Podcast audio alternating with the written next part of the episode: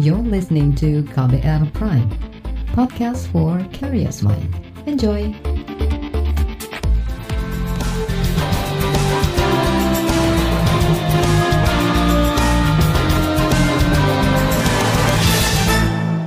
Halo saudara, senang sekali kami bisa menyapa Anda kembali dalam program KBR Sore. Untuk edisi hari ini, Selasa 7 Juli 2020, saya Agus Lukman akan menemani Anda selama kurang lebih 30 menit ke depan. Kali ini kita mengulas indikasi komersialisasi rapid test atau tes cepat COVID-19. Saudara, biaya rapid test atau tes cepat berbeda-beda tarifnya. Di Bandara Udara Internasional Yogyakarta, biayanya sekitar Rp290.000. Sedangkan di Bandar Udara Internasional Soekarno-Hatta Tangerang, biayanya Rp199.000. Dan di Bandara Hussein Sastra Negara Bandung, biayanya Rp225.000. Sementara maskapai Garuda Indonesia menetapkan biaya rapid test Rp315.000 dan Lion Air menetapkan biaya Rp95.000. Mereka yang hendak naik pesawat maupun transportasi umum lainnya seperti kereta api dan kapal laut wajib punya surat rapid test. Begitu juga siswa lulusan SMA kalau mau ikut ujian tulis berbasis kompetensi di Surabaya, Jawa Timur juga harus berbekal surat rapid test. Sedangkan para supir truk ekspedisi lintas pulau juga wajib rapid test. Itu sebabnya wajar masyarakat mengeluh karena mereka seperti dipaksa membayar mahal demi surat rapid test yang akurasinya dipertanyakan. Bagaimana sebenarnya regulasi yang ditetapkan terkait rapid test? Mengapa kemudian muncul isu komersialisasi rapid test? Haruskah rapid test COVID-19 dihentikan? Saudara, Ketua Gugus Tugas Percepatan Penanganan COVID-19 Doni Monardo pada akhir Mei lalu pernah mengingatkan kewajiban bagi masyarakat untuk memperlihatkan surat tes COVID-19 bila hendak bepergian keluar daerah. Kewajiban itu diatur dalam surat edaran gugus tugas tentang kriteria pembatasan perjalanan orang dalam rangka percepatan penanganan pandemi virus corona. Berikut cuplikan penjelasan Doni Monardo. Saya menegaskan ulang tentang pentingnya kita semua untuk mengikuti ketentuan yang telah dikeluarkan oleh pemerintah dalam hal ini surat edaran dari gugus tugas. Setiap orang yang bepergian wajib menunjukkan surat keterangan telah mengikuti rapid test untuk jangka waktu kedaluarsa tiga hari dan PCR test untuk jangka waktu kedaluarsa tujuh hari. Di setiap tempat pemeriksaan, apakah di bandara, di pelabuhan, maupun di checkpoint-checkpoint selama melaksanakan perjalanan darat, termasuk juga perjalanan di kereta api. Oleh karenanya, saya menghimbau kepada masyarakat untuk melakukan pemeriksaan di tempat keberangkatan sebelum melaksanakan perjalanan. Apabila saudara sekalian tidak bisa menunjukkan surat keterangan yang dimaksud, maka aparat gabungan, baik dari Dinas Perhubungan, dari kepolisian, dan juga didukung oleh Satpol PP serta unsur TNI akan meminta saudara untuk kembali ke tempat semula. Itu tadi Kepala Gugus Tugas Percepatan Penanganan COVID-19, Doni Monardo. Sementara itu, Lembaga Ombudsman Republik Indonesia menerima banyak laporan aduan dari masyarakat terkait indikasi komersialisasi rapid test. Komisioner Ombudsman Republik Indonesia, Alvin Lee menyebut persyaratan untuk mengantongi hasil rapid test COVID-19 sebagai syarat perjalanan paling sering dikeluhkan masyarakat. Menurut Alvin Lee, rapid test terkesan hanya syarat administratif dan tidak jelas standar resmi biayanya. Yang dipermasalahkan adalah pertama rapid test ini sifatnya terkesan hanya untuk syarat administratif saja karena rapid test yang benar itu kan dua kali pada hari H, kemudian yang kedua kali adalah H plus 7 hingga H plus 10. Kenyataannya sekarang ini cukup datang satu kali dan itu sudah dianggap uh, hasil rapid test. Itu pun juga diragukan akurasi atau ketepatannya. Uh, harga dari atau biaya dari rapid test ini uh, sangat beragam. Ada maskapai penerbangan yang menawarkan cukup 95 ribu, tapi ada juga yang 200 hingga 300 ribu, bahkan ada yang yang di atas 500-600 ribu. Ini tentunya menjadi pertanyaan masyarakat, sebenarnya harganya berapa? Dan kalau ini rapid test ini untuk kepentingan umum, kenapa pemerintah tidak mengatur standar biaya, standar pelayanan ya? Komisioner Ombudsman RI Alvin Lee juga menyoroti indikasi komersialisasi rapid test COVID-19. Saudara, redaksi KBR merekam keluh kesah warga yang sangat keberatan dengan syarat wajib rapid test untuk bepergian. Bagaimana kisah mereka? Kami hadirkan laporannya usai jeda, tetaplah di KBR Sore. You're listening to KBR Pride, podcast for curious mind. Enjoy!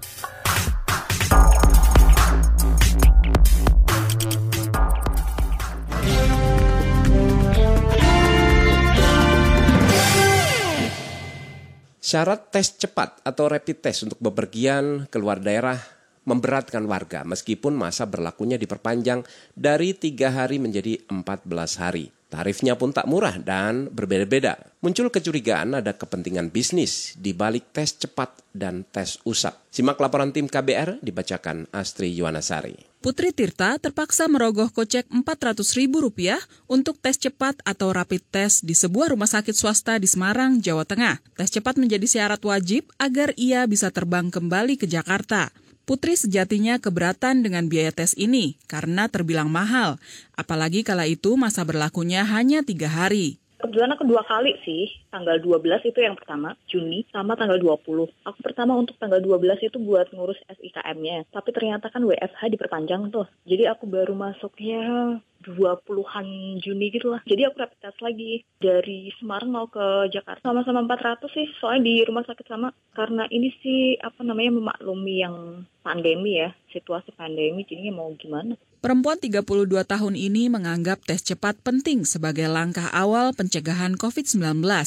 Namun, semestinya tarif yang dibanderol tak terlampau mahal, sebab tak semua kalangan mampu membayar dilematis juga sih ya, karena pandemi juga masih belum berakhir. Tapi kalaupun memang ada rapid test, paling nggak harganya nggak setinggi itu gitu. Karena yang bepergian itu kan nggak cuma yang naik pesawat, dan yang perlu diperhatikan kesehatannya masyarakat menengah ke bawah itu juga banyak. Kalau disamaratakan segitu harganya kayaknya kurang ini sih, kurang elok. Putri curiga biaya mahal tes cepat dan tes usap merupakan akal-akalan pihak yang ingin meraup untung di kala pandemi. Aku sharing sama temen aku ini untuk alat rapid testnya itu 150 ribu satu. Jadi kalau misalnya 400 ribu sekali tes kayaknya 250 ribunya nih cuman buat objekan rumah sakit kah? Dan sekarang anehnya adalah maskapai-maskapai juga kerjasama menyediakan rapid test walaupun mungkin bukan di bandara sepenuhnya. Jadi kayak ini ya objekan peluang bisnis baru. Senada dengan Putri, Windy Lazuardi juga mengeluhkan harga tes cepat yang tak masuk akal. Windy terperanjat begitu disodori kwitansi bertuliskan nominal Rp700.000 untuk tes cepat Juni lalu. Ia terpaksa melakukan tes di sebuah rumah sakit di Jakarta Pusat demi melengkapi dokumen prasyarat naik pesawat. Ia mesti berangkat ke Pontianak untuk bekerja. Rapid test ambil darah doang terus dikasih surat sehat udah. Dan itu berlaku tiga hari. Karena mungkin dia tahu kita mau berangkat mau ada kerjaan jadi butuh dua uh, surat test dan surat sehat. Ya di situ tiba-tiba dikasih harga segitu 700 Pria yang bekerja sebagai penata rias atau make up artis ini menyayangkan biaya tes cepat yang beragam antar rumah sakit. Harusnya ada standar harga yang ditetapkan agar warga tak dirugikan. Ya, karena saya orang yang mau ribet dan mau buru-buru, ya udah deh, kita terlanjur situ kan karena memang udah harus kerja gitu kan dengan biaya segitu ya berkurang dong jadi fee kita gitu kan. Tapi yang harus kita lakuin gitu karena memang udah persyaratannya kan kesel juga sih sampai gila sampai semahal itu gitu kan. Bagi Windy dari semua syarat bepergian tes cepat inilah yang paling memberatkan. Minta sama RT RW kelurah gitu kan. Dan di situ kan saya tanya juga biayanya berapa? Nggak ada biaya seperti gitu. Cuma emang yang uh, di biaya itu di rapid testnya aja. Kalau keperluan keperluan mendadak dan kondisi orang tidak punya uang gimana gitu kan? Oke kita berangkat bekerja dapat uang kalau keluarga sakit atau apa dan butuh biaya dan harus mengeluarkan biaya sebanyak ini buat berangkat belum tiket itu kan berat banget ya. Prasyarat tes cepat juga harus dipenuhi oleh penumpang moda angkutan laut. Ketentuan ini tak jarang menimbulkan penumpukan penumpang yang terlantar karena tak mengantongi hasil tes. Seperti yang dialami 10 warga Palu, Sulawesi Tengah yang tertahan selama sepekan lebih di Pelabuhan Karingau, Balikpapan, Kalimantan Timur. Mereka dilarang berangkat karena belum melakukan tes cepat. Pulang ke kampung halaman menjadi tujuan utama karena sudah tak ada pekerjaan di kebun sawit Kutai Kartanegara. Ismail, salah satu warga, ingin segera pulang karena istrinya di kampung sedang sakit. Namun pria 32 tahun ini malah terlantar di pelabuhan karena tidak punya dana untuk biaya tes cepat yang dibanderol Rp500.000 per orang. Enggak tahu, tahunya cuma keterangan sehat. Jadi kami kan bawa keterangan sehat aja, Dari... Pak. Seandainya kami punya dana, Pak, mungkin kami sudah ngurus dan mungkin kami udah sampai di Palu sekarang ini sama rombongan ini. Eh, totalnya ini lebih 10 ya 10 pas sebelumnya dari Sibulu ke Palu Dian, rekan Ismail, mengaku harus menghemat pengeluaran selama di pelabuhan demi bertahan hidup. Mereka rela menahan lapar dengan memangkas jatah makan. Keharusan tes cepat sebagai syarat bepergian sangat memberatkan warga seperti Dian dan kawan-kawan. Saya mohon dari pemerintah bisa bantu kita semua kita siang lapar ditunda kendati makannya sore supaya bisa sampai malam. Hmm. saya mohon dari pihak pemerintah tolong bantu kami semua mau pulang kampung. Demikian laporan tim KBR saya Astri Yuwanasari. Saudara, dua advokat asal Surabaya, Jawa Timur menggugat secara hukum kebijakan wajib rapid test bagi warga yang hendak bepergian. Gugatan sudah dilayangkan ke Mahkamah Agung. KBR berbincang dengan salah seorang advokat yang menggugat secara hukum kebijakan rapid test itu. Kami akan hadirkan usai jeda tetaplah di KBR sore. You're listening to KBR Pride, podcast for curious mind. Enjoy.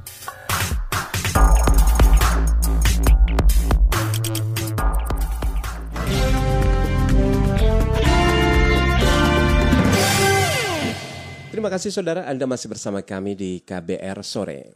Saudara, kebijakan memiliki hasil rapid test untuk bekal mobilitas masyarakat dalam kenormalan baru dianggap sangat memberatkan. Dua advokat asal Surabaya, Jawa Timur pada akhir bulan lalu menyampaikan gugatan mereka ke Mahkamah Agung. Muhammad Soleh, salah seorang penggugat, menyatakan materi gugatan itu menyasar pada ketentuan dalam surat edaran nomor 9 yang dikeluarkan gugus tugas percepatan penanganan COVID-19. Ketentuan itu mewajibkan penyertaan hasil rapid test non-reaktif sebelum seseorang boleh bepergian. Berikut wawancara jurnalis KBR Heru Haitami dengan advokat asal Surabaya, Jawa Timur, Muhammad Soleh yang menggugat kebijakan itu ke Mahkamah Agung. Ya, pasal ini terkait dengan eh, gugatan kebijakan penggunaan rapid test ke Mahkamah Agung. Mungkin bisa dijelaskan kembali apa yang menjadi poin gugatan kebijakan tersebut. Jadi kita menggugat terkait surat edaran nomor 7 gugus tugas percepatan penanganan COVID-19 juga surat edaran nomor 9 di mana surat edaran ini mengatur terkait calon penumpang baik udara, laut, darat itu udara juga harus membawa hasil rapid test yang non reaktif juga boleh memilih bisa swab test kan gitu. Teman saya tidak membahas swab test karena swab test itu sangat mahal kan itu paling murah 2 juta setengah. Nah kenapa ini kita gugat kebijakan ini tidak berdasar. Kalau tujuannya untuk melihat apakah masyarakat si A si B itu dia terpapar corona atau tidak itu bukan rapid test tapi swab test. Sementara rapid test itu tidak bisa dilihat apakah orang itu kena COVID-19. Meskipun hasilnya itu reaktif belum tentu dia COVID-19 sebab itu adalah tes antibody di mana ketika antibody seseorang itu menurun, ya maka hasilnya akan reaktif. Kan itu loh. Nah kalau itu yang dipakai acuan, tentu ini salah. Yang kedua, rapid test itu berbiaya mahal. Rata-rata 300 ribu ke atas. Baru akhir-akhir ini ada yang murah sampai 95. Yang ketiga, kita ini kalau mau masuk bandara itu selalu dites suhu. Kalau misalnya bawa rapid test pun ketika hasilnya uh, non reaktif, rapid test suhu kita di atas 38, maka kita tidak boleh masuk bandara sebab kita dianggap sakit kan gitu. Nah, yang keempat, banyak masyarakat itu yang tidak bepergian itu tidak pergi jauh, tapi bisa jadi satu provinsi kayak Surabaya mau ke Ponorogo. Ya kalau naik kereta itu nggak sampai 100 ribu. Sementara biaya rapid testnya 300 ribu. Itu kan tidak sebanding. Kita ini menjadi curiga ada apa gugus tugas kok membuat masyarakat sulit bepergian. Lalu apakah kebijakan yang dikeluarkan oleh gugus tugas ini sudah tepat? Bagi kami, gugus tugas itu tidak punya kewenangan, dia mengatur masyarakat. Mestinya yang mengatur calon penumpang itu adalah eh, Kementerian Perhubungan. Sementara Kementerian Perhubungan melalui Permenhub nomor 18, Permenhub nomor 41 itu tidak mengatur kewajiban rapid test hanya yang diwajibkan pakai masker, physical distancing, tes suhu. Juga ada keputusan Menteri Kesehatan tanggal 16 Juni yang mengatur calon penumpang juga. Juga tidak mengatur terkait rapid test ini. Nah ini kan menjadi aneh kalau tiba-tiba gugus tugas mewajibkan. Kan itu. Makanya pada tanggal 25 Juni kita ajukan gugatan ke Mahkamah Agung. Sorenya rame di media uh, elektronik, terus besoknya dirubah masa berlaku dari tiga hari rapid test menjadi 14 hari. Yang kita tuntut itu bukan perubahan jangka waktu berlaku, tapi ini harus dihapuskan. Akhirnya kita gugat lagi surat edaran nomor 9 itu. Nah kemarin sore kita juga mengadukan gugus tugas ini ke Ombudsman RI supaya mereka melakukan investigasi. Kenapa? Gugus tugas ini sekarang membolehkan tidak melarang maskapai-maskapai membuka rapid test. Dan seperti Lion Air itu rapid testnya 95 ribu. Kan nggak masuk akal gitu. Lainnya ratusan ribu, dia 95. Hmm. Itu rapid test apa tes kehamilan. Kan gitu. Jadi ini ini kecurigaan-kecurigaan ini dan ketidaktegasan dari pemerintah ini menurut kami layak memang harus dikritisi oleh kita sebagai warga masyarakat. Apakah kecurigaan tersebut merujuk pada adanya komersialisasi rapid test? Ya, ya jelas komersialisasi, jelas komersialisasi dan pemerintah mendiamkan mendiamkan itu apakah dapat feedback saya tidak tahu, dapat imbalan saya tidak tahu, tetapi patut dicurigai. Kenapa? Mestinya karena ini menjadi syarat calon penumpang itu mengatur masyarakat harus ada standarisasi. Dan ini kalau dibiarkan berubah yang namanya rapid test itu adalah alat kesehatan berubah menjadi alat administrasi. Ya ini ngawur. Itu tadi perbincangan dengan advokat asal Surabaya, Jawa Timur Muhammad Soleh. Saudara Indonesia dinilai sudah sering menjadi surga pemeriksaan virus corona dengan metode rapid test. Jumlahnya diperkirakan ada seratusan model pemeriksaan. Mulai dari rapid test yang abal-abal alias asli tapi palsu, sampai yang benar-benar berkualitas. Kita akan bahas sinyalmen itu usai jeda, kami segera kembali. You're listening to KBR Pride, podcast for curious mind. Enjoy!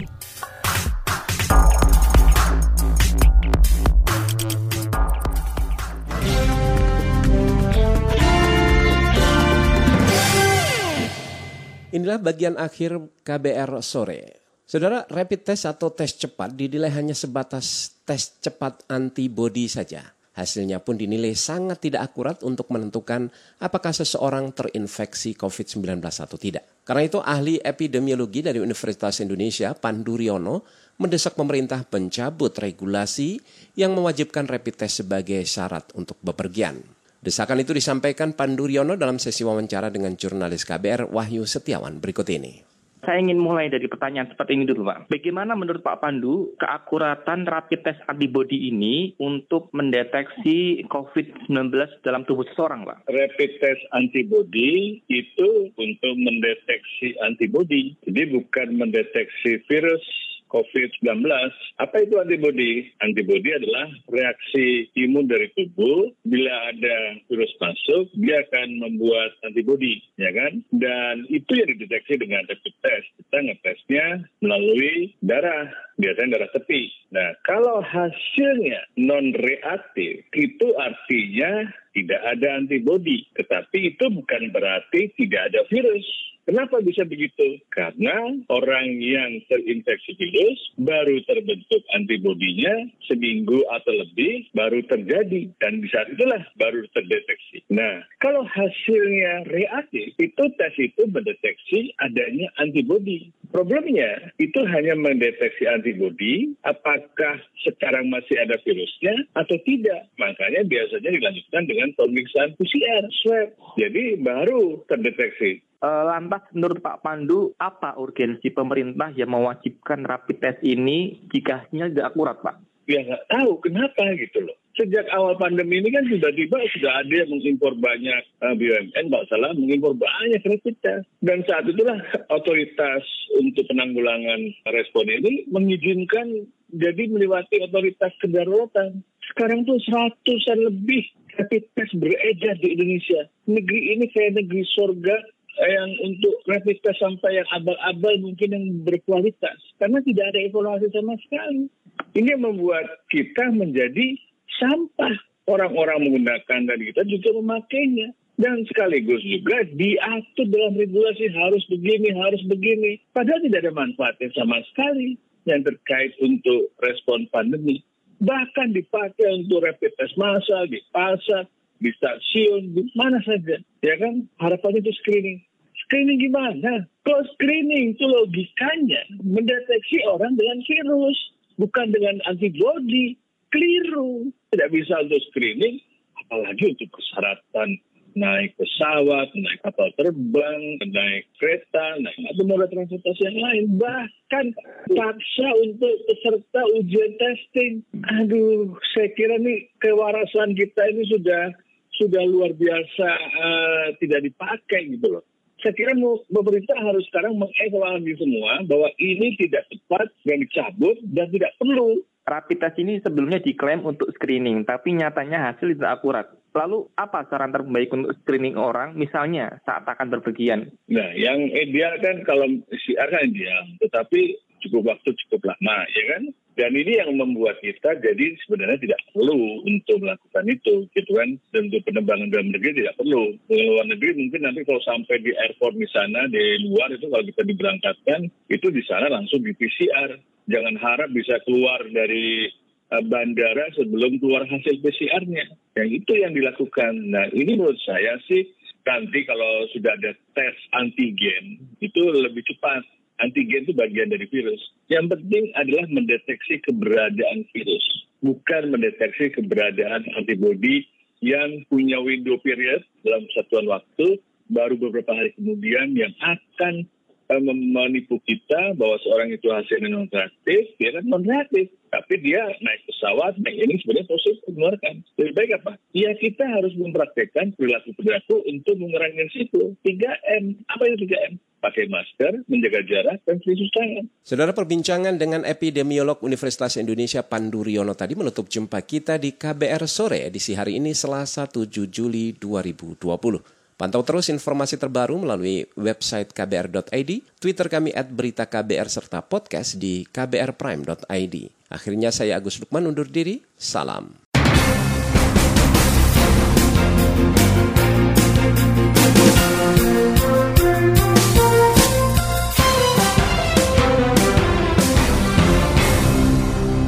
KBR Prime, cara asik mendengar berita.